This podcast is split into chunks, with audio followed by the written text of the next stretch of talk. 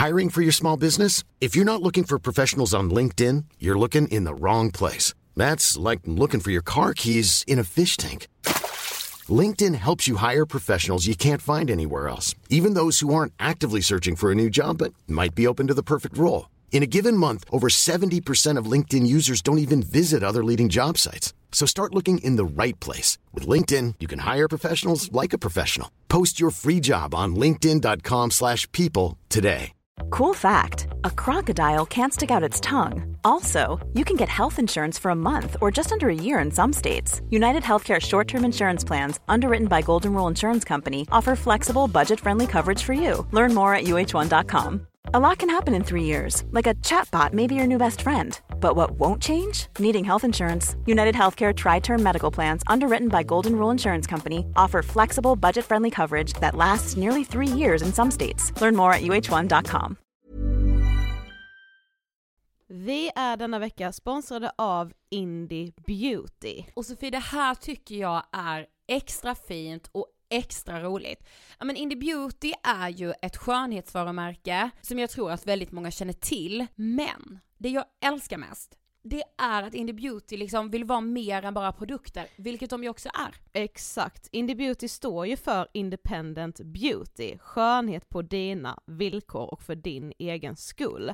Och Indie Beauty tror ju stenhårt på ett alternativt skönhetsideal fritt från måsten, skam och känslor av otillräcklighet. Där är jag helt med Indie Beauty. Jag med. Det är så jag vill att skönhet ska vara. Ja men verkligen. Och vet du vad som är nytt för i år Sofie? Berätta. Från och med i år så skänker Indie Beauty 1% av sin försäljning till Suicide Zero, Tjejzonen och Djurens Rätt. Så när man handlar produkter från Indie Beauty så kan man liksom känna att man också ger tillbaka till samhället. Ja, kraften i tillsammans. Ska jag säga en sak nu då, Mm. som jag, det, men det är detta jag är extra glad över.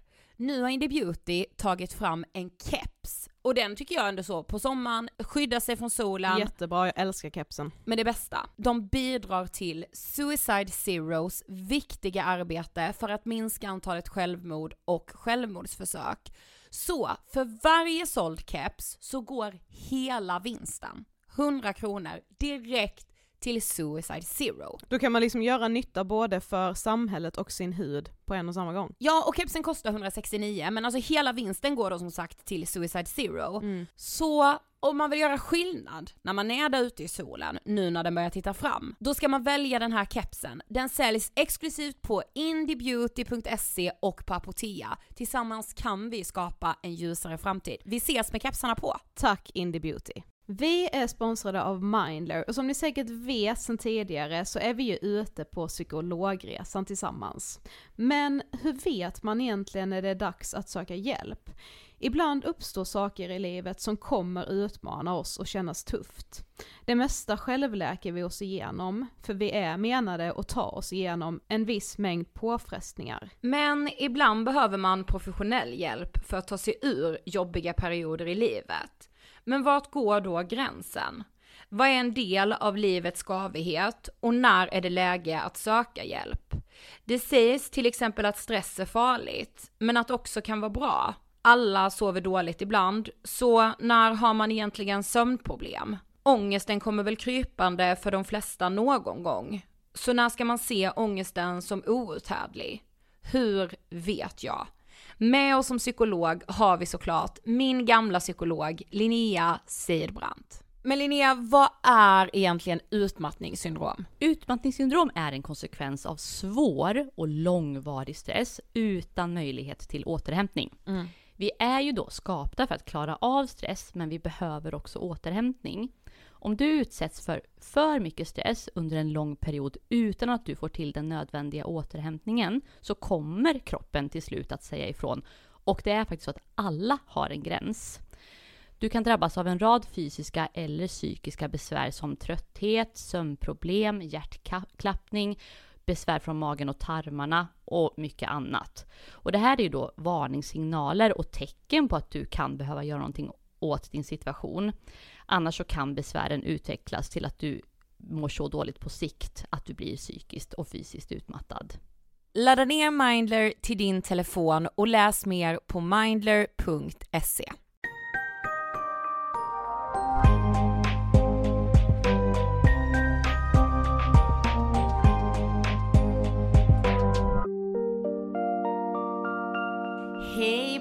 er och varmt välkomna till avsnitt 442 av Ångestpodden! Hej hej! Det är sommar och det är sol och det är koskit i hagen. Och du hade en punkt. Ja men det hade jag, alltså men först vill jag fråga hur du mår. Du, första semesterveckan, Ja, det är bra.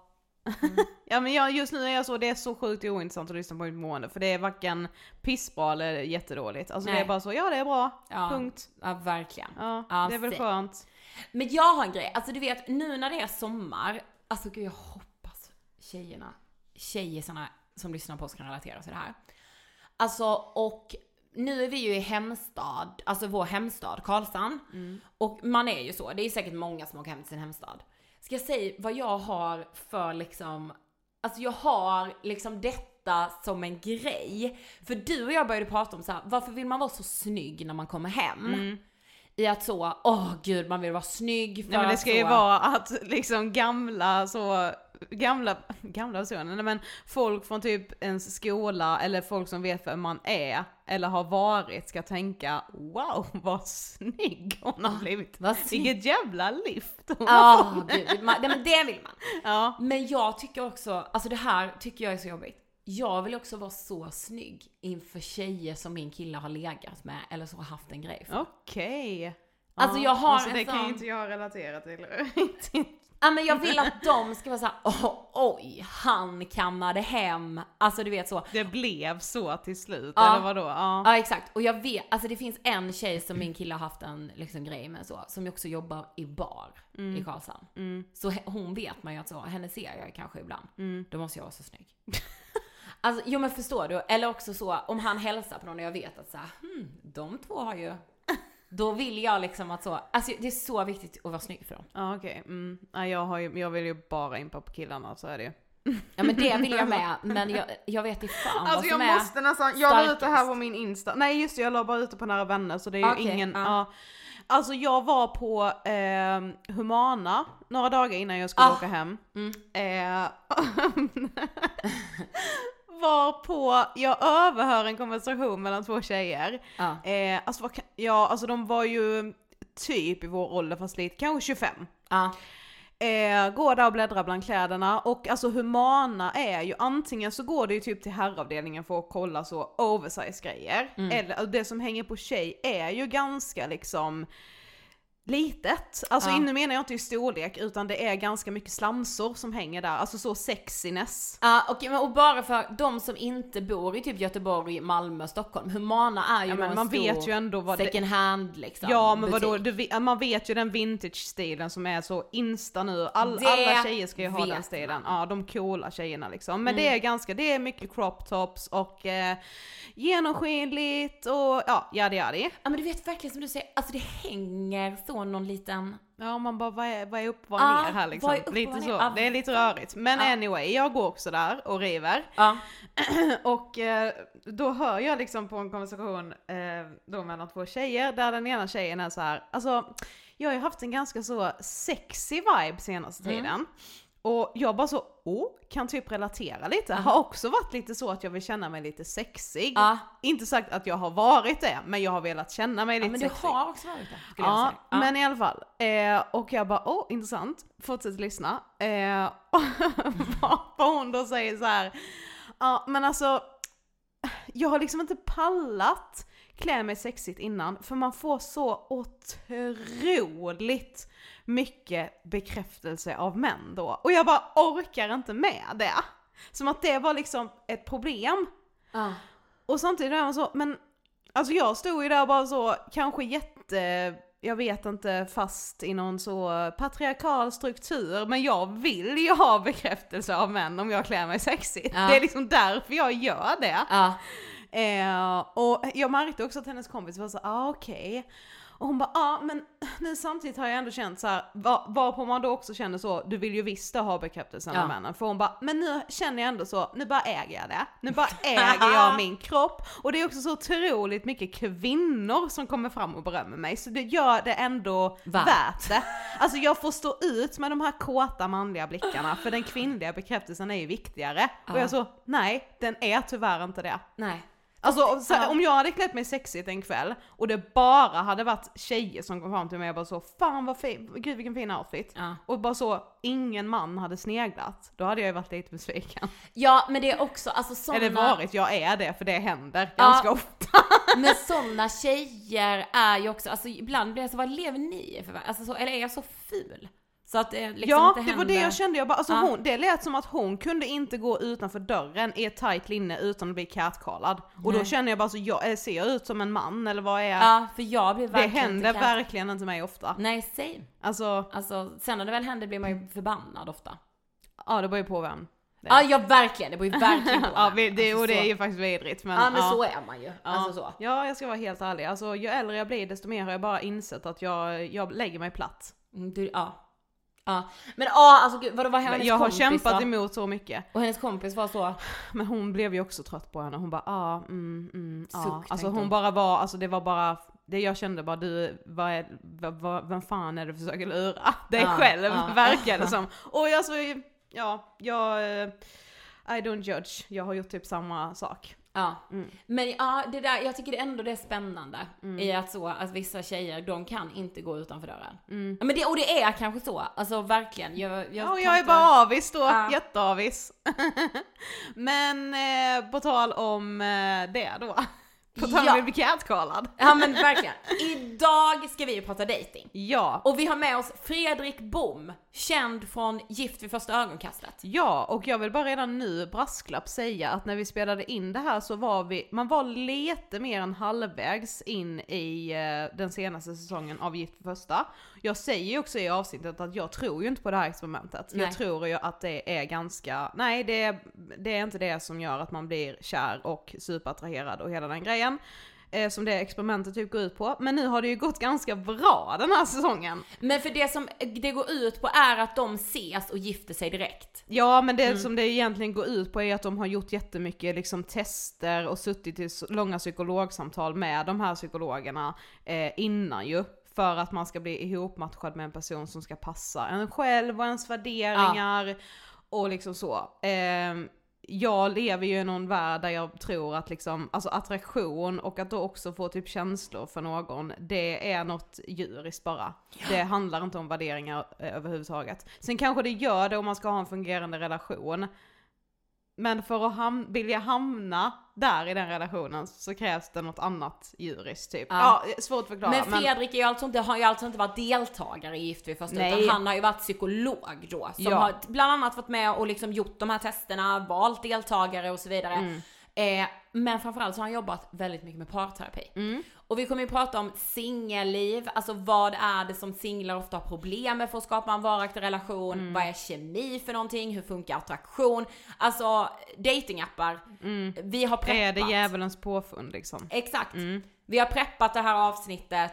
Gud vilket sommaravsnitt. Mm, otroligt faktiskt. Vi rullar intervjun med Fredrik Bom om dating. Varsågoda!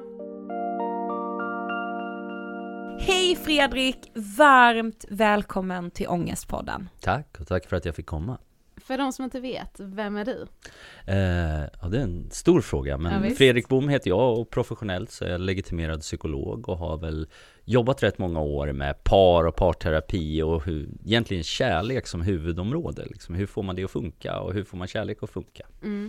Ja du sa ju det här nu innan att du har nästan valt att fokusera mer på, alltså så här, inte just skilsmässa och när det inte har funkat utan mer när man liksom inte ens når kärleken, alltså ångesten i det på något sätt. Jo, men det är ju så, eh, rent matematiskt. Alltså om man ska sätta scenen lite grann, att det har väl aldrig varit så lätt för oss att hitta potentiella partners som nu.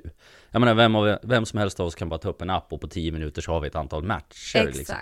Men det har samtidigt aldrig varit så svårt att få relationer att hålla.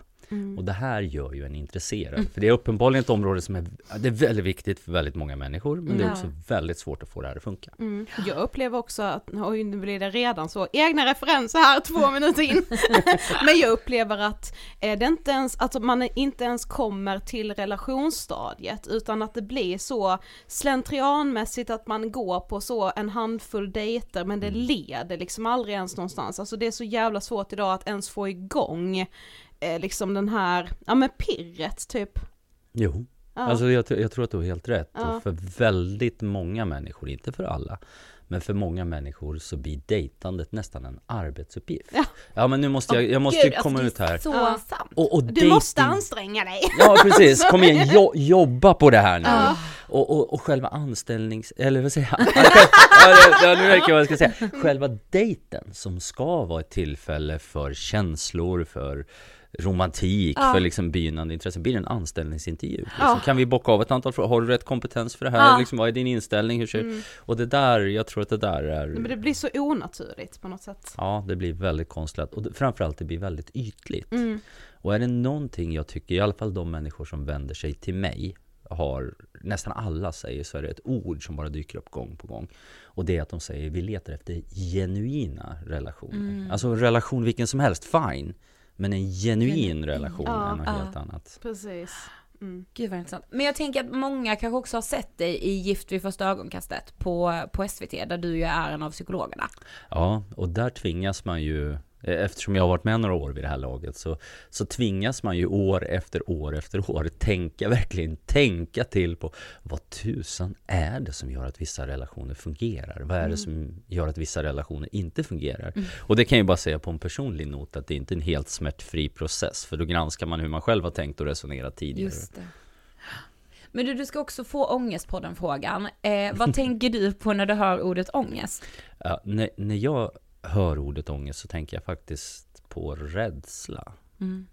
Därför att för mig som psykolog så vill jag gärna se tekniskt på det här. Och då brukar jag säga, vad är rädsla? Jo, men rädsla är ju egentligen evolutionen, alltså vår historia som säger åt oss att undvika att göra dumma saker. P- problemet är att den här rädslan har varit så effektiv, så idag så hindrar den oss från att göra saker i största allmänhet. Och precis som fysisk smärta är kroppens sätt att tala om för dig att du gör någonting som skadar mig nu, sluta med det. Så skulle jag säga att ångest är själens smärta eller den mentala smärtan. Ångest är, är, är du själv som säger åt dig att du mår inte bra i den här situationen. Men hur länge har du varit psykolog och liksom, hur hamnade du där? Oj, för, för mig var det en väldigt lång resa. Jag, jag började ju egentligen arbeta som socionom. Jag utbildade mig till socionom först och då jobbade jag i huvudsak på socialtjänsten och framförallt med omhändertagande av barn. Och, och det här är ju någonting som, ni hör ju, det är inte jätteroligt. Alltså man skrattar inte varje dag på jobbet. Det är väldigt Nej. tunga frågor, väldigt djupa ingrepp i människors liv. Och för mig så var det viktigt att vara så professionell som möjligt. Att göra det här så bra jag bara kunde. Väl medveten om att man misslyckas med jämna mellanrum ändå. Och i den strävan någonstans så tittade jag mig omkring och så sa jag, vad har jag för kollegor som är, jag, jag tycker är professionella. Och då dök det upp ett antal psykologer så det var så jag halkade in på den banan. Men, men vi sa ju det till dig att vi vill liksom fokusera på singelliv och dejtande idag. Och framförallt för att vi får så mycket liksom önskemål från våra lyssnare om att ta upp det här gång på gång och prata om relationer och ja men hur, hur komplicerat det också kan vara. Ehm, men skulle du säga, är det många som har ångest kring att dejta? Jag skulle påstå att nästan alla har det. Ja. Jag skulle påstå att om du har noll ångest, om den tanken inte ens dyker upp, då, då tror jag att du kanske behöver prata med någon. Ja. Men, men däremot kan man säga att den här ångesten ser olika ut och vi har ångest för olika saker. En del av oss, vi har ångest därför att vi är rädda för att bli avvisade, för att en annan person ska ta en duktig titt på oss och säga du duger inte, liksom, du är inte tillräckligt bra. Och det skapar ångest. En del av oss har ångest, hör och häpna, för att inte bli avvisade. Tänk om det här är det jag fastnar i, tänk om det här är resten av livet, tänk om, tänk om, tänk om. Just det. Många av oss har ångest för att vi inte riktigt kan leverera. Vi, vi kanske visar upp en fasad för omvärlden men vi är väl medvetna om att om någon kommer bakom den fasaden då får de se något helt annat. Så att det finns många anledningar att ha ångest för att dejta. Men skulle jag säga, man ska inte bortse från grunden i det här. Anledningen till varför vi har ångest för att dejta är ofta att relationer faktiskt är farliga. Hur Alltså- menar du då? Jo men farliga så tillvida att om du ska ha en genuin relation, ni märker att jag kommer tillbaka till det här ordet hela tiden. Då kräver det att du låter en annan människa lära känna dig. Och inte bara när du är bra, utan nu pratar vi, du vet, du har precis klivit upp ur sängen och sovit tre timmar och är sur och på dåligt humör och så vidare. Ja. Eh, och, och låta andra människor se en i den situationen. Det är stor risk att jag blir dömd. Det är dessutom farligt om jag börjar fästa mig vid dig och du avvisar mig. Eller, det är också farligt. Så att Relationer kräver att vi investerar i andra människor. Och att investera i andra människor, precis som alla andra investeringar, är farligt. För ibland förlorar vi och det är inte kul. Nej. Men hur skulle du då beskriva datinglandskapet så 2023? Ja, nu, nu blir det ju, nu ser ju inte de som lyssnar på det här, men jag är ju grå i skägget. Så att jag, jag börjar ju, 2023, det är långt fram i tiden för mig. Men, men det är några saker jag skulle säga utmärker det. Det första är det vi sa förut. Det har aldrig varit så lätt att hitta någon att dejta, det har aldrig varit så svårt att bygga en relation. Det är det första jag skulle säga. Mm. Det andra, det är att nu ska ni få höra hur sexigt psykologer uttrycker sig. Jag ser datingmarknaden idag som att vi har en transaktionell syn på relationer. Och jag ska förklara det där. Ah. Men, men det, ni vet en transaktion. Om du går till affären och handlar, då gör du en transaktion. Mm. Om vi byteshandlar, då gör vi en transaktion. Och det, idag så tycker jag väldigt mycket av dejtande utmärks av att man mer eller mindre ska veta vad ens eget erbjudande är. Och så ska Oh man gå God, runt och är så shoppa. Och man ska göra så bra deal som jag, möjligt. Alltså jag Ja. spyr, det här är så sant. Jo men eh, det, det är det, och så Ja. ska vi mer eller mindre sluta ett avtal där liksom, ja men jag tar på mig det här och du tar på, och så ska vi då sitta och leta och bedöma. Mm. Och, och, och det här leder till nästa steg och det är det här som jag, eh, det blir väldigt personligt för mig så, men Mm. vi konsumerar relationer. Snarare än engagerar i relationer. Åh fy fan ja. Och jag Mm. tycker inte, jag har så svårt för den här synen att vi ska konsumera andra människor och deras känslor och deras tid. Mm. Och jag tror att det, det här, det skapar liksom en perfekt storm som gör det väldigt, väldigt svårt att dejta idag. Mm. Inte omöjligt på långa vägar ska jag säga. Många människor lyckas navigera det här träsket. Men det finns gott om fallgropar och jag tror om vi tittar på oss själva bara, vi har alla klampat i dem vid några tillfällen. Ja gud ja. Men alltså varför tror du att vi har hamnat där då? Alltså hur har vi liksom kommit så långt ifrån det här genuina? För alltså frågar du typ vem som helst som kanske befinner sig på de här apparna så är det ju det jag skulle säga typ 90% ändå eftersöker de här genuina relationerna. Men ändå är det typ ingen som vågar erkänna det riktigt. Nej, och jag tycker du sätter fingret på en av sakerna där. Att man inte vågar erkänna. Nej, om du inte vet vad du letar efter, vad spelar det för roll hur du letar då? Ja. Och, och det, nej men det finns ett antal fällor och nu går jag igång. Men, men det här är bara, det är bara mina erfarenheter och det är bara utifrån mitt smala perspektiv. Så jag påstår inte att jag sitter inne med sanningen här. Men bara det faktum att vi börjar se relationer som transaktionella, som affärsuppgörelser mer eller mindre. Det gör ju att, hur kul är det liksom? Ska jag springa runt och deala? Hur ska jag dansa? Hur ska jag bedöma det? Jag tror också det faktum att, att det går fort. Det finns väldigt mycket val, det går väldigt, väldigt fort. Vi ska pang, pang, pang, pang och vi har så mycket krav på oss och vi ska prestera så mycket på olika områden. Så det är inte ovanligt att folk har, jag brukar kalla det för pusselbits, pusselbitssyndromet när det gäller att dejta. Och pusselbitssyndromet handlar om att man säger mer eller mindre så här, nu har jag spenderat några år på att få ordning på mitt liv, få ordning på mig. Allt som fattas nu är en pusselbit är mitt liv komplett. Är. Ja men är så här, lycka till och hitta någon som A, passar din, just exakt din pusselbit. Och vill, vill du höra något annat kul? Om du mot förmodan skulle hitta en person som passar din, de har sitt eget pussel. De är Exakt. inte intresserade av att vara en bit i ditt pussel. Jag brukar säga så här, för guds skull, relationen är pusslet. Hur roligt är det att komma till en annan person och säga så här, ska vi lägga pussel tillsammans? Ja, mitt pussel är klart, det är bara en bit du behöver lägga dit. Det är inte så man gör, man kommer och säger så här, ska vi utforska det här pusslet tillsammans? Och så lägger man det. Så att jag tror det spelar in, och sen finns det naturligtvis en massa andra saker också. Jag brukar prata om Tindersjuka. Nu, nu menar inte jag specifikt Tinder, så de behöver inte bli, de behöver inte bli arga på mig om jag är på Tinder. Men, Vi har ändå inget samarbete Nej, det är lugnt. Nej, men, men om vi tar dem som exempel. Mm. Eh, Tindersjuka, alltså jag, jag tycker att jag har sett det här hos människor. Där de kommer till mig och säger, jag, jag förstår inte, jag får ingen anknytning. Jag har, och vi vet statistiskt sett att går du på en dejt så är det en viss chans att du träffar en partner. Går du på två ökar chansen, tre ökar chansen, fyra. Men kommer du till 20, 30, 40 då faller chansen. Då är det i princip ingen chans att du kommer att träffa någon. I princip. Och, och vad är det som händer? Jo men hur funkar en dejt om jag hårdrar det? Jag kommer och så träffar jag dig, eller dig, och så presenterar jag mig själv på något sätt, liksom så här, ni får min elevator pitch eftersom det här är en transaktion. Ja, Exakt. snabbt Så säger ska det gå. Ja precis, kolla här, det här är jag, vad säger ni? Och då säger någon så här Ja, efter att ha tittat på dig, och nu pratar inte jag om någonting du gör, nu pratar jag om vem du genuint är och du är för dålig, du är värdelös, du fyller inte mina standards Okej, om jag är en skitstövel då skakar jag av mig det här och så går jag till nästa person Men om jag inte är en skitstövel, om jag är rimligt empatisk lagd så kommer det här att göra ont i min självkänsla. Mm. Jag kommer att börja tvivla på mig själv, jag kommer få den här ångesten vi pratar om. Exakt. Nästa gång jag går på en dejt, jag vill ju inte uppleva den här ångesten igen, så oddsen är rätt bra att jag börjar liksom lägga mig till rätta lite grann. Jag putsar till lite grann, jag klär upp mig lite mer, present säger kanske inte att jag snarkar, du vet första dejten. Nej. Men problemet är att människor är vandrande bullshit-detektorer. De kommer att märka att jag Ah. håller igen. Mm. När de märker att jag håller igen ökar chansen att de avvisar mig. Vilket till nästa gång ökar chansen för att jag putsar till mig.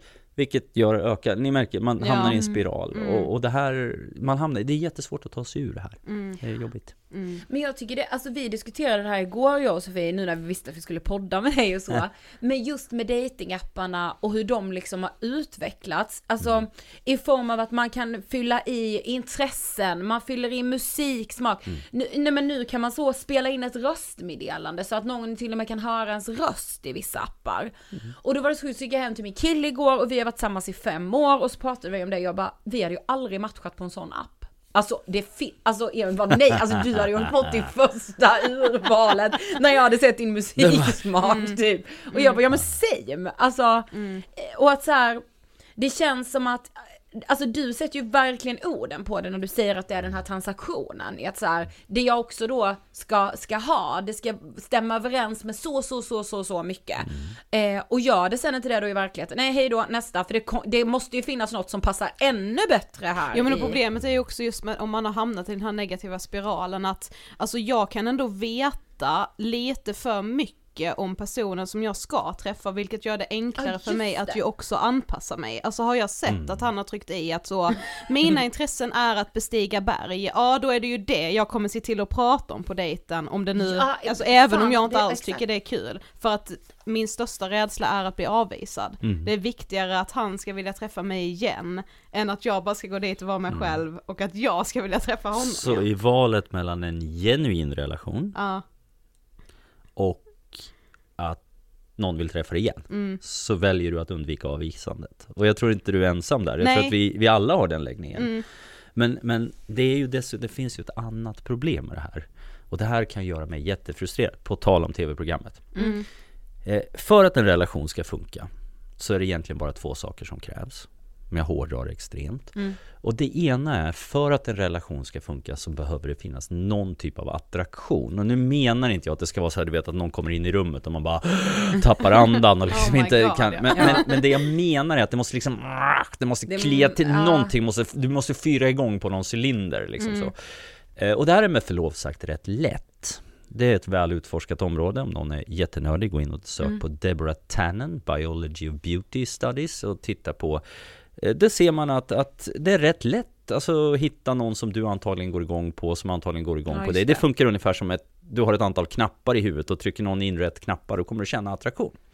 Vilket för övrigt gör det också lätt att manipulera det här, för vet man vilka knappar man Exakt. ska trycka in och så vidare. Men det är rätt enkelt. Det är också rätt lätt att hitta någon som du antagligen blir lycklig med långsiktigt. Man kan göra någonting som heter Quality of Life Index, där man ställer de här frågorna, du vet, vart vill du bo, stad, landsbygd, barn, inte barn, familjeroll, könsroller, karriär kontra hem, tät relation, vad det nu är va. Och, och sen hittar man någon som liksom är rimligt lik dig, det behöver inte vara helt men rimligt. Här kommer ju det som är en kicker i det här. Det är påfallande ofta exakt samma saker som gör att du går igång i attraktionsstadiet som saboterar sannolikheten för en långsiktig relation. Och det är samma saker som bygger en långsiktig relation som dödar attraktionen i ruta ett. Oj. Jaha. Alltså om vi tittar på det matematiskt. Ja. Gud vad sjukt. Ja. Oj. Ja för liksom jag tänker ju att Alltså om jag bara ser till de gångerna jag har varit kär så kan jag ju nu med facit i hand, alltså för de gångerna jag har blivit kär har det blivit, alltså då blir jag det väldigt snabbt. Ja, du- Jag har aldrig varit med om att känslor liksom byggs upp för en annan person och sen helt plötsligt så- så efter ett halvår bara oj nu är jag kär i det, utan jag blir det, jag, jag faller pladask liksom. Ja. Men kollar jag då liksom tillbaka så kan jag ju mer fatta att nej jag var ju bara otroligt attraherad av Ja. den här personen och byggde typ upp en bild av hur jag tänkte att han skulle vara. Men jag kände ju egentligen inte någon Nej. av dem som jag var kär i. Utan det var bara extrem attraktion och den här, alltså den här, liksom när man känner att man har en personkemi som är något annat än bara vänskap liksom. Mm. Ja men det, det du beskriver är ju alltså egentligen det vi kallar för förälskelse. Förälskelse är en kombination av attraktion och en helt överdriven bild av en annan människas egenskaper. Precis. ja men alltså, Finns inga fel. nej, Nej precis. och, och, och jag menar då hamnar man i då hamnar man i, och det, det är det de flesta gör, att vi går väldigt, väldigt hårt på det här med attraktion. Och jag ser inget fel i det. Självklart ska du göra det. Det är bara det att det som gör en relation svår, det är att för att väcka attraktion hos en annan person så måste du uppvisa vissa egenskaper. Men vart efter relationen fortskrider, det kommer ju en sån här kris efter ett tag. Ni vet den här, Mm, det. är det här på allvar eller inte krisen? Det det egentligen handlar om det är, är det här en förälskelse eller ska vi ha en relation? Och det man måste göra där, det är att man måste man måste börja visa andra egenskaper som är viktiga långsiktigt. För de allra flesta av oss, vi går igång på en person som är kul, rolig, framåt, hög energi, ni vet, som är orädd, social, Ja. tar plats, karismatisk, Exakt. häftig, utmanande. Ni vet så här, det, de flesta tycker om det. Vad är det som får långsiktiga relationer att funka? Stabil, förutsägbar, pålitlig, långsiktig, stryktålig. Ni hör, det är bra egenskaper, men det är inte det här wow. Liksom, Nej, så. Det låter inte jättesexigt Nej, liksom. så för att en relation ska funka så måste du först uppvisa det som attraherar en partner och sen måste du gradvis börja uppvisa de här andra egenskaperna också. Och det är det här som gör det jätte- jättesvårt. För Ja. att det vi gör idag, det är att vi går på attraktion, när den tar slut så går vi på nästa attraktion och så på nästa attraktion och så på nästa. Exakt, vi ger ju upp när den här, när, det, när man då börjar se de här kanske liksom egentligen för ett långsiktigt eh, förhållande bra egenskaperna men som inte då är lika sexiga och så Nej. saknar man då den här liksom spänningen, det här liksom när man känner sig superattraherad och eftersom det då är så lättillgängligt att känna det igen med någon annan så går man bara vidare. Ja, visst.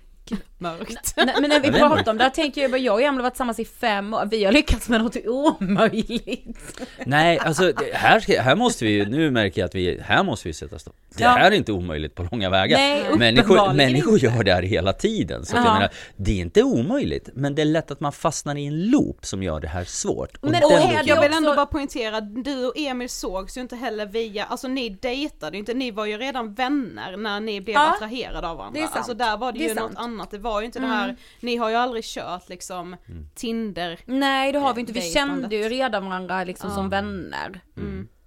Och sen när vi började umgås mer så bara vänta det här är något mer än vänner. Alltså, Mm. ja.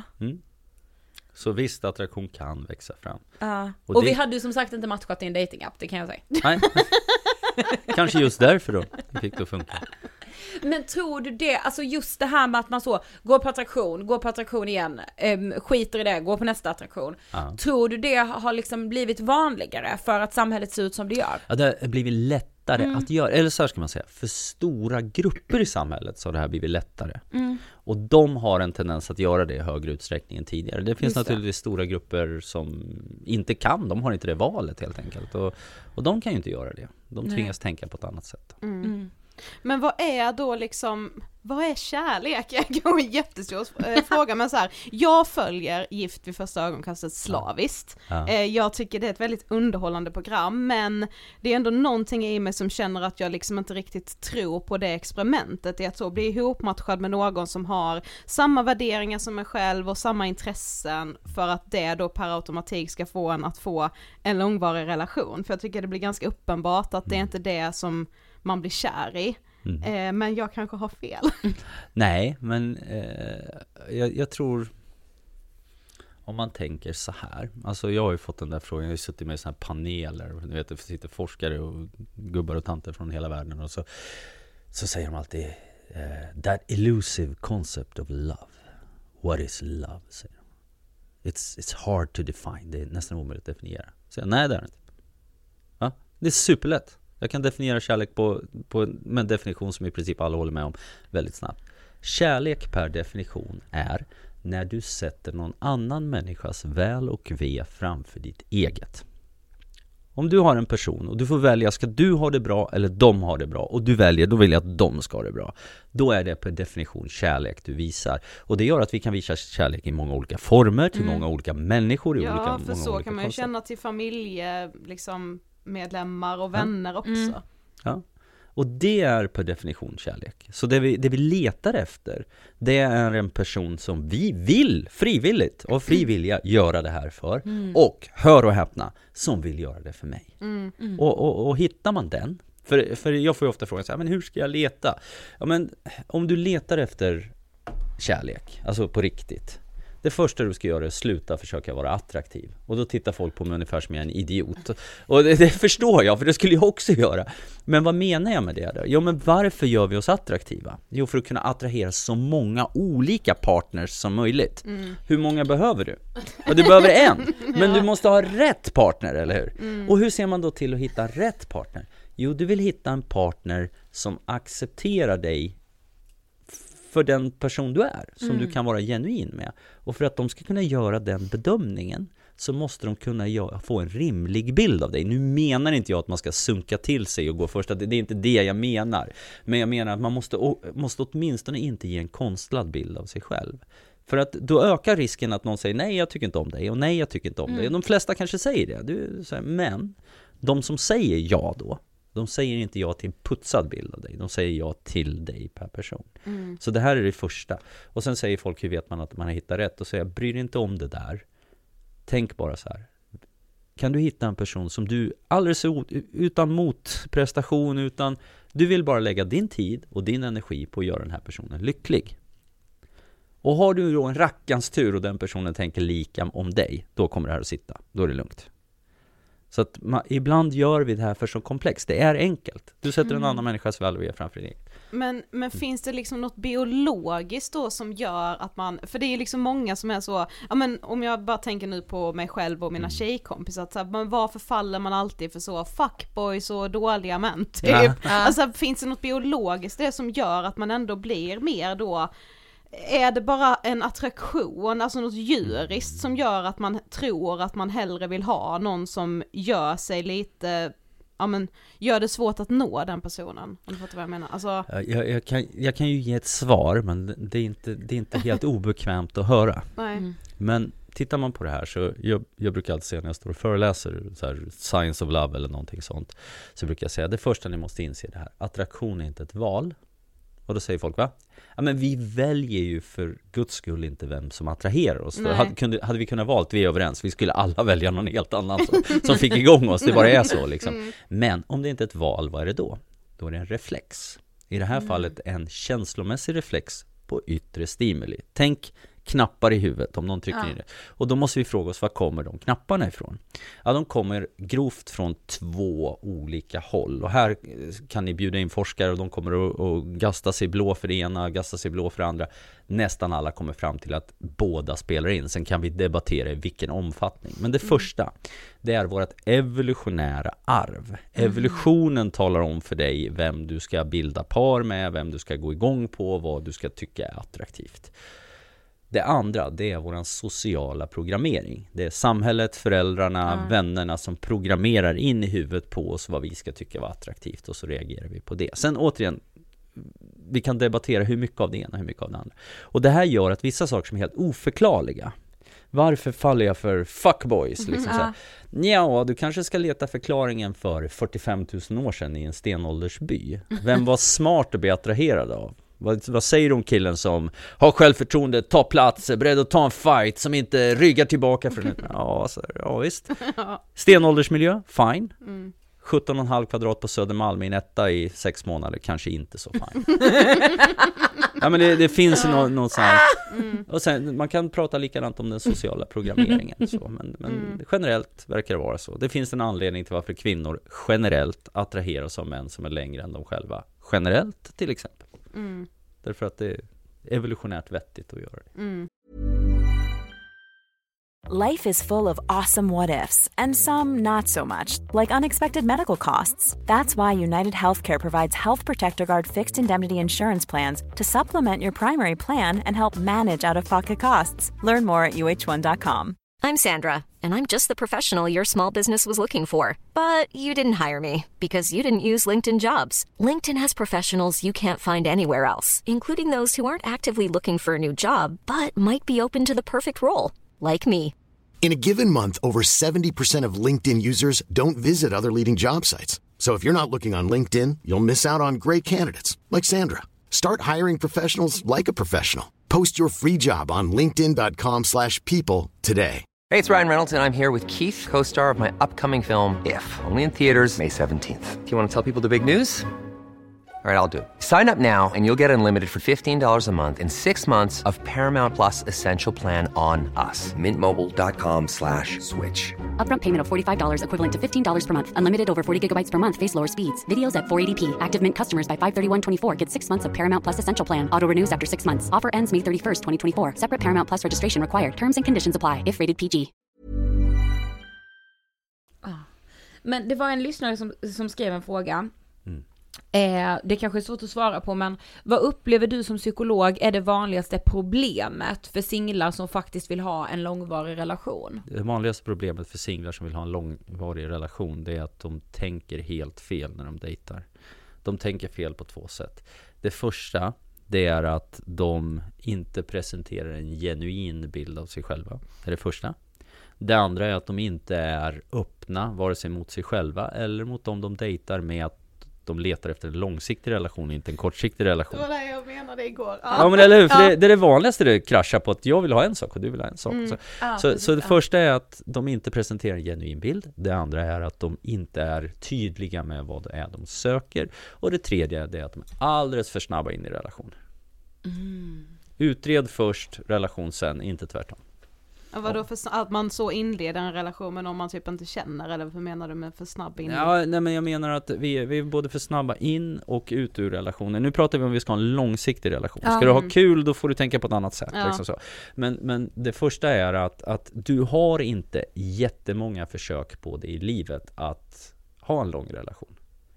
Du kommer inte att få så många chanser att, att göra det här. Så det innebär att när du siktar så måste du sikta noggrant. Och då, jag tycker ditt exempel, men vi lärde känna varandra som vänner först. Ja men då har du gjort en utredning. du har fått en bild liksom Ja. så. Och, och, och det, det andra det är att när det väl börjar knaka och knapra och knaka och knaka då eh, måste man vara beredd att lösa problem tillsammans. Inte lösa problem individuellt genom att springa någon annanstans.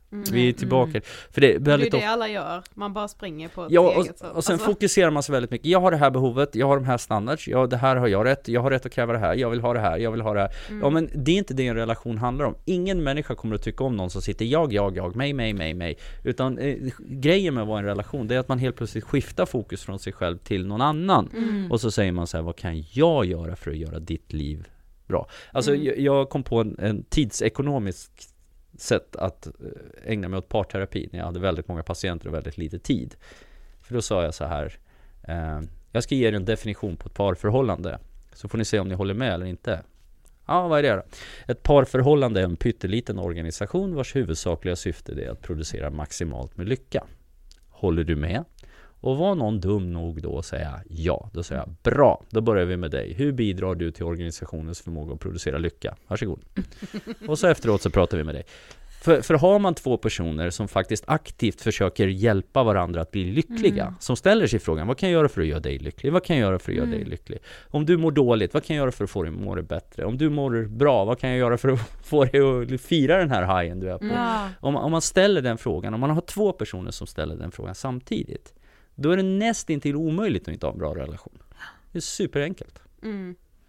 Men det känns ju också som att så här, i takt med att datingapparna har utvecklats så mycket, Mm. alltså idag som sagt man kan liksom trycka i vad man har för intressen, man ska Mm. liksom berätta så otroligt mycket om sig själv, som att man också då ska hitta alltså den här själsfränden som tycker exakt som en själv, som har då så Mm. röstar på samma parti, eh, som eh, har, Lyssna på samma musik. Ja exakt, Alltså, som, ja. som tror på liksom samma saker och som har samma intressen, som att liksom det är kärnan till en bra relation. Ja. Alltså jag vill ju träffa någon som kanske har helt andra, andra intressen än mig, som typ lär mig nya saker. Jo men är, vill du träffa någon som har samma musiksmak som dig? Eller vill du träffa någon som lär dig att uppskatta en helt annan typ av musik? Ja, Vill du träffa någon som tycker om samma mat som dig? Eller vill du träffa någon som lär dig och får dig intresserad av en annan typ av mat? Och så vidare, och så vidare. För att det där är en transaktionistisk affär. Vad, Ja. vad har du för affärserbjudande? Exakt. Och sen så Ja, exakt. ja det samma. känns som att det är det alla har fastnat i, man bara letar, letar, letar efter någon som ska vara så här på pappret pappret den perfekta matchen. Och, och det, det blir också ett väldigt, väldigt fokus på den potentiella partnern. Mm. Det handlar om dig, gör en bedömning av dig, värderar dig. Ibland kan det kanske vara bra att ha fokus på sig själv. Mm. För att det är ju så att om du träffar en partner och det inte går något bra, då kan det bero på dig och det kan bero på den partnern. Och träffar du två partner och det inte går något bra så kan det bero på dig och det kan bero på de två partnerna eller de tre eller de fyra. Men förr eller senare måste du inse att du är konstanten. Mm. De är variablerna. Om det är så att det inte funkar någon gång, då måste det bero på någonting som du gör. Eller i alla fall bidrar. Mm. Men många tycker också att eh, alltså datingapparna känns lite läskigt, alltså att ge sig ut där, just för att man kanske är rädd att bli liksom avvisad eller Mm. inte få några matchningar eller liksom inte hitta rätt. Eh, hur ska man tänka för att eh, våga ändå ge sig ut i datingvärlden? Ja, nu har det vi ju verkligen vet- smutskastat Ja, exakt. Ja, nej, i men det- goda 31 Jo. minuter. Nej men det, det första vi måste inse är att det är värt det. Ja. Det, det är det första, det, det ska vi bara lägga på bordet på en gång. De av oss som någon gång har fått uppleva genuin kärlek, alla som har gjort det säger så här. Det är värt varenda uns av svett och möda och självrannsakan jag har lagt ner och det är värt varenda uns av smärta i andra änden också. Så det är definitivt värt det. Det här är den häftigaste resan du kommer att uppleva under ditt liv. Så, det, det, det är det första vi, vi måste slå fast. Det andra, det är att vi pratar ju om det som att det är svårt och det är för att vi är på Ångestpodden och pratar om ångest. Men, men det, är också, det är också relativt, alltså det är många människor som är både bättre och sämre än vad jag är och ni är som har lyckats med det här tidigare. Så att det är omöjligt, det är det definitivt inte. Det finns några, alltså jag, jag roade mig med jag var ju med i tv-programmet och det är inte alla som kommer med i tv-programmet. Mm. Men eh, ett år så gjorde jag så här att jag bad ett antal av de som inte kom med i tv-programmet och sa Det är jättetråkigt att du inte kom med i tv-programmet Skulle du vilja gå ett litet kort program för att förbättra dina chanser att hitta en partner? Och, och det här är ju människor som A. Väldigt gärna vill ha en relation och B. Och har misslyckats flera gånger på egen hand. De har svårt för det här. Och det intressanta är att man märkte att Hittar de bara vart deras egna fallgropar ligger så är det relativt lätt att lära sig undvika dem. Mm. Men tillbaka till frågan, vad gör jag om jag är rädd för någonting? Mm. Okej, jag har Psykologer har jobbat med rädsla i hundra år. Vi har kommit fram till att det finns precis ett sätt att bli av med rädsla. Det är att göra det Eller hur? Alla vet det Att här. Alla utsätta sig. Om du ramlar av en häst, upp. Exakt. Men du kan Ja. göra det på två sätt. Mm. Eh, det ena är att du kan använda en metod som psykologer kallar för flooding. Flooding innebär, nu ska ni få höra, att man överöser patienten med stora mängder av det ångestskapande stimulit. Om du är rädd för ormar så lägger man dig i ett badkar och häller ormar över dig.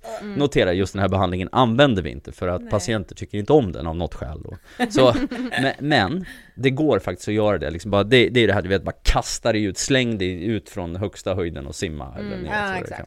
Det andra sättet är att man gradvis Mm.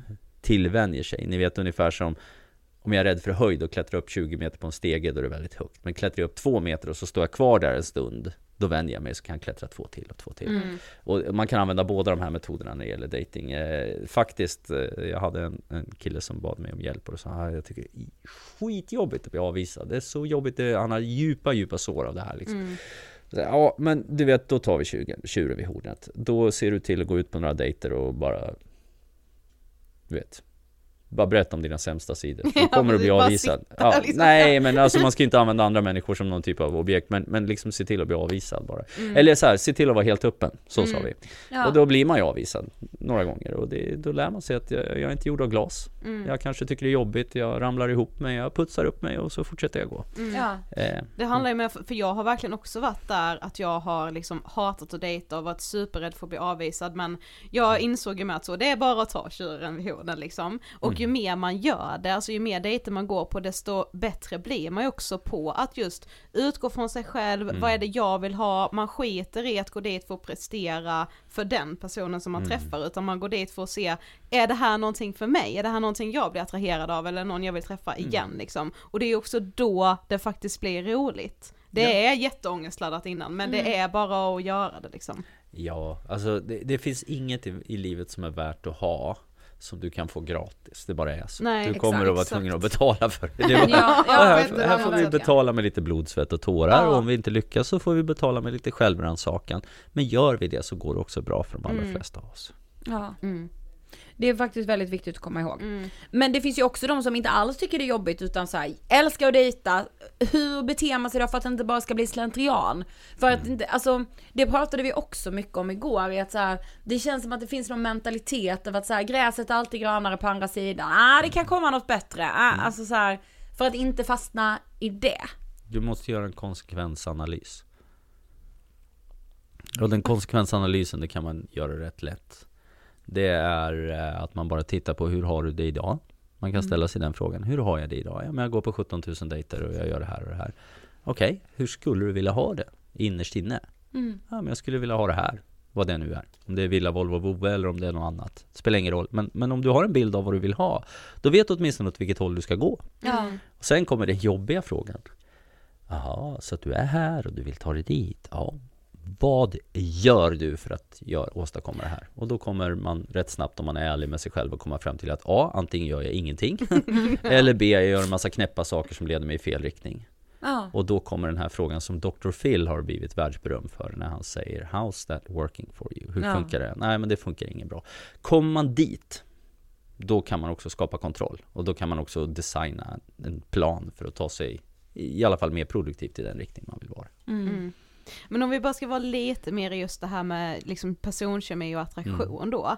Eh, man kan ju liksom ibland matcha med någon och skriva lite och som så här, man liksom dansar i skrift, man känner att man klickar väldigt bra i skrift men så ses man i verkligen, verkligheten och så faller allting platt liksom. Ja. Man kan ju aldrig veta hur ett möte ska bli med en person egentligen förrän man har setts på riktigt. Men hur, hur funkar då egentligen attraktion? Matematiskt sett. Du kommer ihåg att vi pratade om att evolutionen har programmerat dig och vi pratar om det att det sociala har programmerat dig. Men det är också så att vi kan bryta upp attraktion i två olika delar. Vi kan bryta upp attraktion i det vi brukar kalla för yttre attraktion. Det är en fin omskrivning för utseende, att någon ser smaklig ut för oss. Ja. Så här. Och inre attraktion. Inre attraktion handlar om att någon har inre egenskaper som vi tycker om eller som vi dras till. Bara för att ta ett exempel. Intelligens är för de allra flesta människor attraktivt.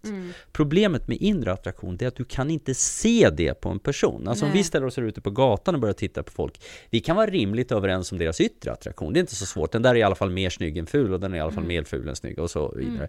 Så det ser man på långt håll. Det är lätt att bedöma på en datingapp liksom. Ja. Men en persons inre egenskaper, de kräver viss utredning. Det tar ett tag innan du tar reda på om någon är smart, eller om någon är, är karismatisk, eller om någon liksom har självförtroende och kan ta för sig, eller ett sinne för humor, eller vad det nu är. Eh, och det gör att, att det kan mycket väl vara så, jag vet inte om ni själva har varit med om det någon gång, jag har varit med om det flera gånger båda hållen, att jag har träffat en person som jag, gud hon är så vacker, alltså hon är så vacker så man går sönder när man ser henne. Sen börjar de prata och sen efter en timme så bara, "Ugh, Ja, nej, nej, nej, nej, nej. ja. Och precis faktiskt, jag har varit med på andra hållet också, att det är en person som jag inte har reagerat på. Jag tycker de är average. Men sen, när jag får umgås med dem, efter ett tag så upptäcker jag min blick fastna mer och mer på dem, att jag börjar, fasken, det är, det är något där. Så, så det är de här inre egenskaperna som då börjar slå igenom. Mm. Och här är ju också en sak, datingappar och sånt, driver oss att gå mer på yttre attraktion, för det är lättare. Det är mycket svårare att gå på inre attraktion. Mm. Men hur mycket ska man ge det då? Alltså så hur, hur lång tid kan det ta för attraktion att växa fram?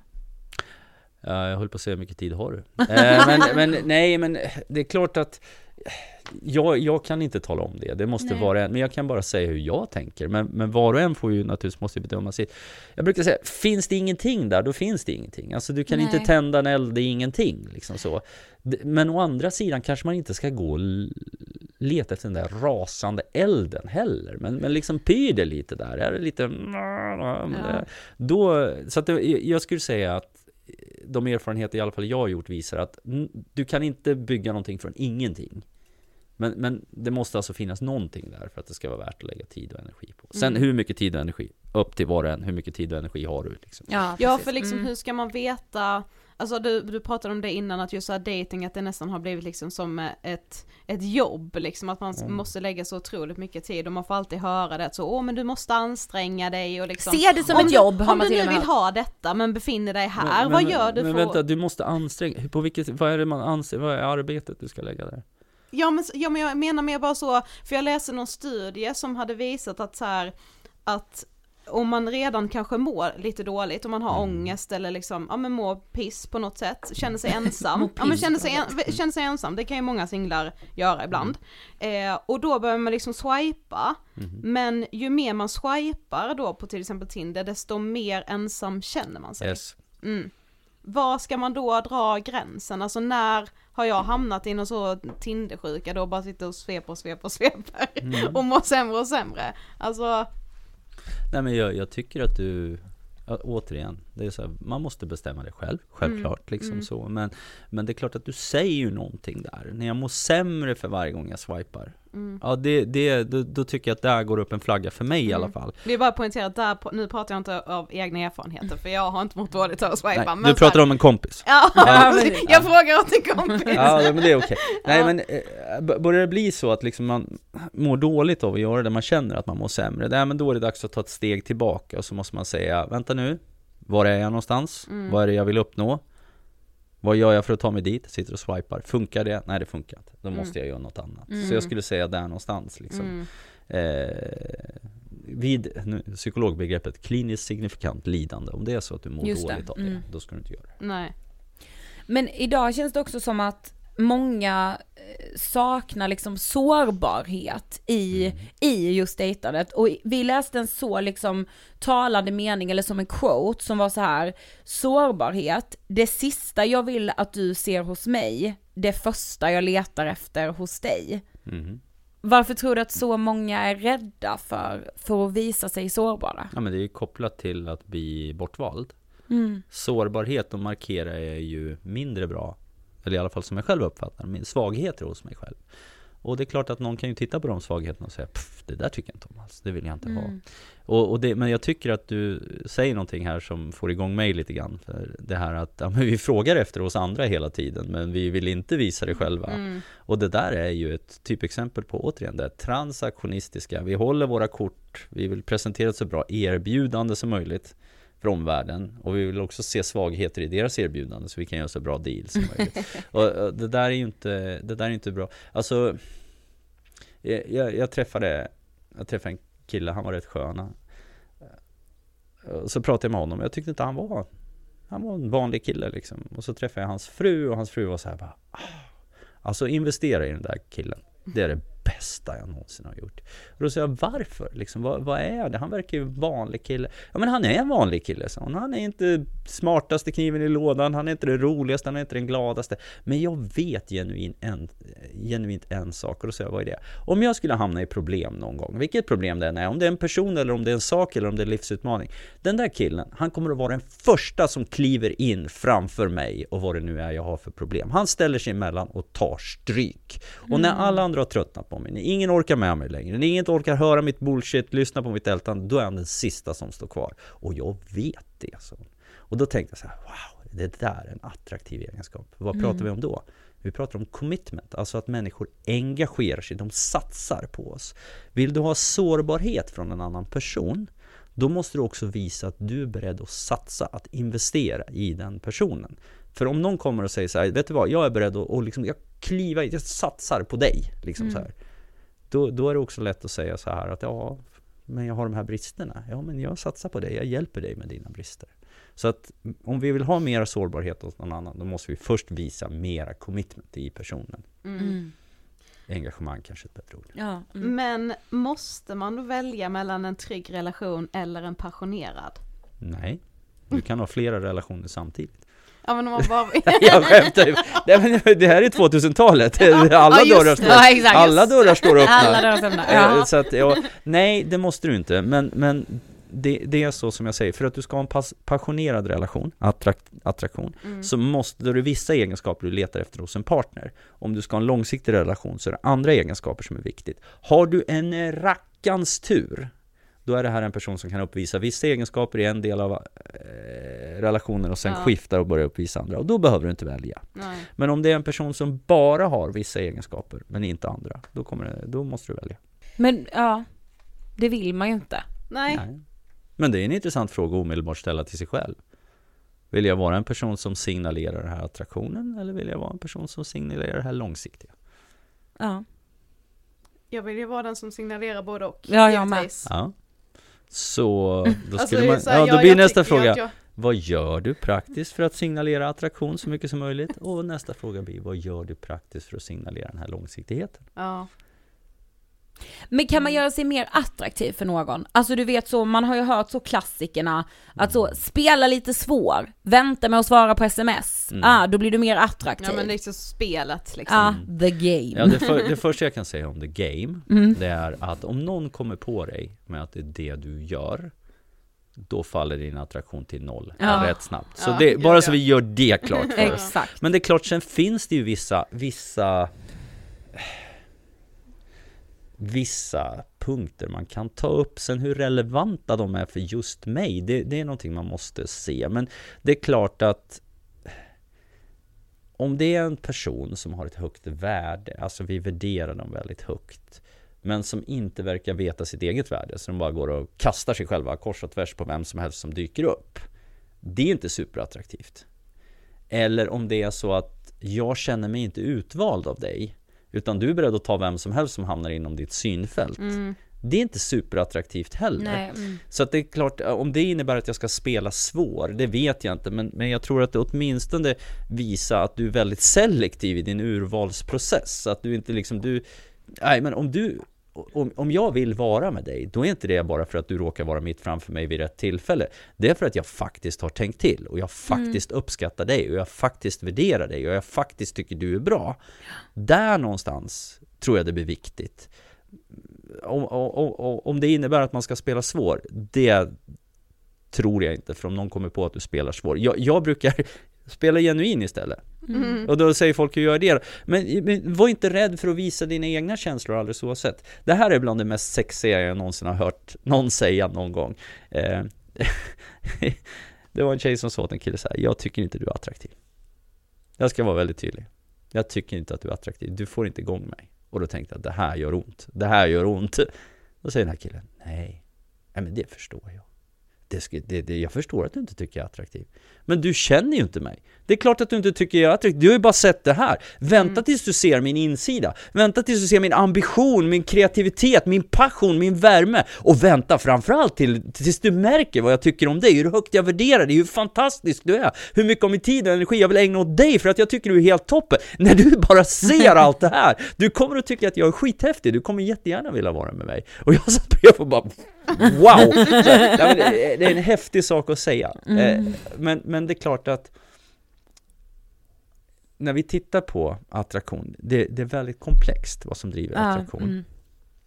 Men i slutändan så är det så att få saker är så attraktiva som när en annan människa engagerar oss i oss. Få saker är så attraktiva som när en annan människa är öppen och genuin. Därför att då känner vi oss trygga och avslappnade. Och få saker är så attraktivt som när andra människor sätter vårat väl och ve framför sitt eget. Ja. Så det finns mycket vi kan göra här. Eh, Men jag vill upprepa min varning från början. Om någon kommer på att du spelar ett spel, då kommer du falla i attraktion på en gång. Det är inget kul. Men vad är då det viktigaste att tänka på eller lägga vikt vid för en bra och hållbar relation? Om det nu är det man vill ha. Mm. Ja, men det är flera saker. Det första är att du ska vara medveten om att det är det du söker. Du ska också vara tydlig så att den du söker det här med förstår att det är det du söker och gärna söker samma sak. För den vanligaste anledningen till varför relationer havererar det är att den ena jobbar långsiktigt, den andra vill bara ha något kortsiktigt och så. Så att man, man måste vara överens i den rutan. Sen är det det där eh, mindre tid på att vara attraktiv, mera tid på att vara genuin och engagemang i en annan person. Att du visar att jag sitter inte här för att jag ska presentera mig på ett speciellt sätt. Jag sitter här för att jag är nyfiken på dig. Jag vill veta mer om dig. Liksom så. Sen någon typ av ärlighet med känslor också. Jag vet inte vad du tänker om mig, men jag tycker om dig och har sett av dig så här långt. Bara så du vet det. Jag kan stå för det. Ja, exakt. Ja. Och det är ju också så enormt attraktivt när någon vågar det, liksom. Jag säger, ja, nu vet ju inte jag alls vad du tänker, men jag tycker så här om det och jag har fått den här bilden. Alltså, Du menar så, oj, om Ja, någon men säger det äg till en dina egna känslor på något sätt. Alltså jag Exakt. tycker det är helt okej att, att man gör det, att man säger ännu mer, att man säger liksom att ja, men vet du vad, jag vet ju inte allt om dig. Hur ska jag kunna veta det? Men jag, jag ser ju bara det jag ser och hör det du säger, men jag tycker du verkar jättespännande. Jag skulle Ja. jättegärna vilja veta mer So det. far so good. Ja men det, det är lite det man säger. Ja, och, och att man säger det inte på villkor att du säger någonting till mig, utan Nej. det här tycker jag, Ja. jag står för det. Och jag säger inte det för att jag vill höra något från dig, jag Nej. säger det bara för att jag vill få det ur mig liksom. Ja. Mm. Men det var, alltså många skrev, vi har varit inne på det här lite, men många skrev ju också till oss att så här, att man kanske, om man liksom har blivit bedragen eller man har blivit lämnad från liksom hux flux från ingenstans. Eller bara går på, får bara en första dejt hela Ja, tiden. Det precis. leder aldrig till en andra dejt. Exakt, det var jättemånga som skrev där. Hur ska man våga lita på någon igen? Ja, det, det är två frågor där som dyker upp i huvudet. Egentligen då får vi koka ner till vad handlar det om? Det handlar om rädsla, eller hur? Mm. Och jag brukar ofta prata om blåmärken. Alltså om man åker på en smäll, då får man ett blåmärke. Nej men det är inte så att jag ramlar ihop i en pöl på golvet och dör, det är det inte. Men det gör ont. Och om jag är smart så vill jag inte åka på en sån smäll igen. Därför att har jag upplevt det en gång så räcker det. Och det innebär att jag ofta skyddar mig lite grann. Jag håller undan den där delen som är liksom smärtsam. Och det gör att jag blir mindre genuin, vilket ökar chansen för att någon avvisar mig igen. Och, och det där är, det är naturligt den rädslan. Men man måste behandla den hos sig själv. Eh, Jag brukar säga att det största misstaget vi ofta gör i relationer, det är att vi låter en ny person betala för de misstag vi har gjort i tidigare relationer. Så att jag, jag låter dig betala för det mitt ex gjorde. liksom så här. Precis. Och, och det där är, det, det, det är väldigt svårt. Eh, därför att gör jag det så, eh, du kan vara perfekt för mig men om jag hela tiden låter dig betala för gammal ost som någon annan har gjort då kommer du aldrig liksom, vi kommer aldrig få relationen att funka. Så man måste liksom börja med sig själv där någonstans. Man måste börja med, till att börja med måste man erkänna att man har ont. Och man måste erkänna för sig själv att man har ett blåmärke. Och man måste kanske erkänna för sig själv att man har ett behov av att skydda det blåmärket också. Sen när man har gjort det, då får man ju kanske lära sig av det här och utvecklas som person och hitta ett annat sätt att närma sig relationer som gör att man kanske inte blir... Men, men framförallt är det så att, att vi får inte tro att för att vi har träffat på en människa som är en skitstövel eller som är taskig mot oss eller som misshandlar oss så är alla människor så. Det var den personen, det var då. Mm. Nu är det en ny person. Mm. Då har vi kommit till sista frågan. Aha, Vad du ser lurig dig? ut, du ser lurig ut nu. Nej då. Vad inspirerar dig? Med det här ämnet? Mm, ja, eller i livet. ja, ja, men precis. kanske ändå på det här ämnet. Ja, Du har ändå valt att jobba med kärlek liksom. Mm. Varför då? Därför att jag är en hopplös romantiker. Nej men det, det, och det här är intressant, för det här har varit ett dilemma för mig, nämligen att jag jobbar väldigt mycket med att tänka logiskt och rationellt på ett område som de allra flesta känner. Ja. Ja, Mm. vilket gör att jag tränar mig att tänka logiskt och rationellt, se samband, se variabler, se det här som en bilmotor och så vidare. Mm. Men varför gör jag det? Ja, men innerst inne gör, gör jag det därför att jag älskar ju romantik. Jag blir helt galen på det. Det finns ingenting som får mig så förtjust som att gå på ett bröllop till exempel. Mm. Jag tycker att det här är fantastiskt. Men jag tycker också, och det här ska man väl säga, om, om jag kunde resa tillbaka i tiden och träffa mig själv när jag var typ 14-15 och kunde ge mig några enkla tips för hur man ska se på relationer. Hur mycket smärta skulle inte jag ha besparat Spara. mig under året? Mm. Så att det, det, det vore faktiskt inspirerande att kunna ge den tjänsten till någon annan som står i den livsfasen. Mm.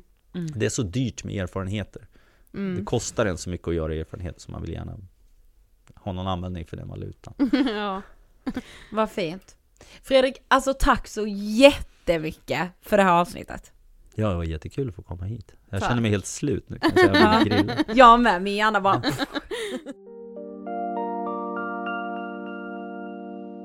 Då ska man ut och dejta. Ja, verkligen. Ja, nej men jag, det är... Eh, vissa saker köper jag absolut helt och hållet, som Mm. Fredrik sa. Eh, vissa saker kanske inte helt och hållet, som sagt. Men, eh, ja. Men jag tyckte det var fint där vi pratade om sårbarhet också. Mm. Att man är så rädd för det. Mm. Men att det ju är kanske Jag bland det typ viktigaste. såhär, man, man är eh, liksom, alltså, det, och det tror jag ju att datingapparna har förstört mycket. Alltså just det här med att, alltså, det var ju ändå en kompis som frågade mig det för någon vecka sedan, att men hur är det på datingapparna nu? För han Mm. dejtade jättemycket innan när han var singel. Ja. Och jag bara så, skulle säga att känslan av att gräset är grönare på andra sidan har liksom aldrig varit starkare än nu. Alltså det är, det är helt sinnessjukt, man bara så hoppar vidare till nästa hela tiden. Ja. Eh, och att liksom många tror jag är väldigt rädda för att ens vara öppna med att man söker något seriöst. För att bara det kan göra att vissa människor blir väldigt avståndstagande och de vill man inte tappa. Så då Nej, är man exakt. hellre inte ärlig med vad det själv Ja, vem man vill ha typ. Och jag då som typ, eh, ja det kom, vi kommer också släppa ett avsnitt inom kort om anknytningsteorier. Men jag då som till exempel har lite anknytningsproblem som jag har insett.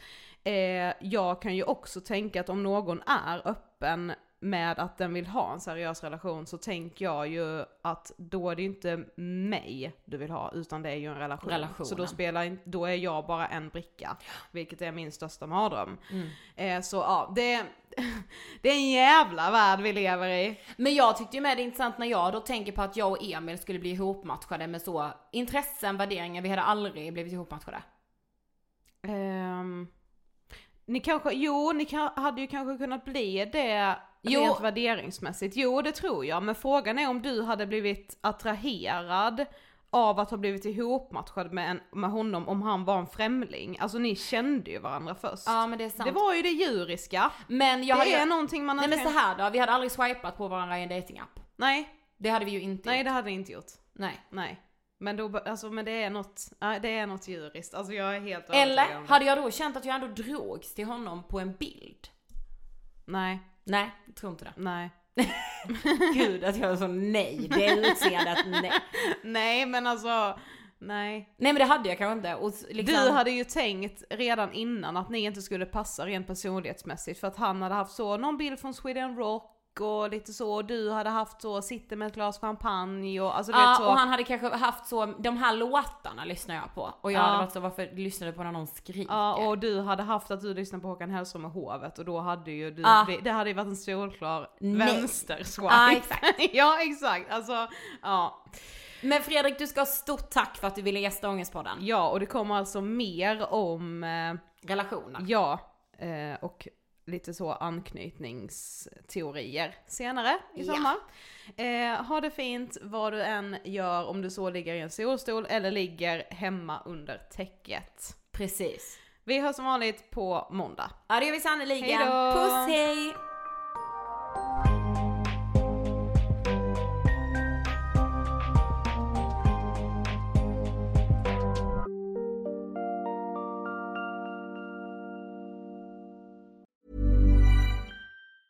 Planning for your next trip? Elevate your travel style with Quince. Quince has all the jet setting essentials you'll want for your next getaway, like European linen, premium luggage options, buttery soft Italian leather bags, and so much more. And is all priced at 50 to 80% less than similar brands. Plus, Quince only works with factories that use safe and ethical manufacturing practices. Pack your bags with high-quality essentials you'll be wearing for vacations to come with Quince. Go to quince.com slash pack for free shipping and 365-day returns. Mom deserves the best, and there's no better place to shop for Mother's Day than Whole Foods Market. They're your destination for unbeatable savings, from premium gifts to show-stopping flowers and irresistible desserts. Start by saving 33% with Prime on all body care and candles. Then get a 15-stem bunch of tulips for just $9.99 each with Prime. Round out Mom's menu with festive rosé, irresistible berry chantilly cake, and more special treats. Come celebrate Mother's Day at Whole Foods Market. This message comes from BOF sponsor eBay. You'll know real when you get it. It'll say eBay Authenticity Guarantee. And you'll feel it. Maybe it's a head turning handbag, a watch that says it all, jewelry that makes you look like the gem, or sneakers and streetwear so fresh every step feels fly. eBay gets it. So look for the blue check mark next to that thing you love and be confident that every inch, stitch, sole, and logo is checked by experts. With eBay Authenticity Guarantee, you can trust that feeling of real is always in reach. Ensure your next purchase is the real deal. Visit eBay.com for terms.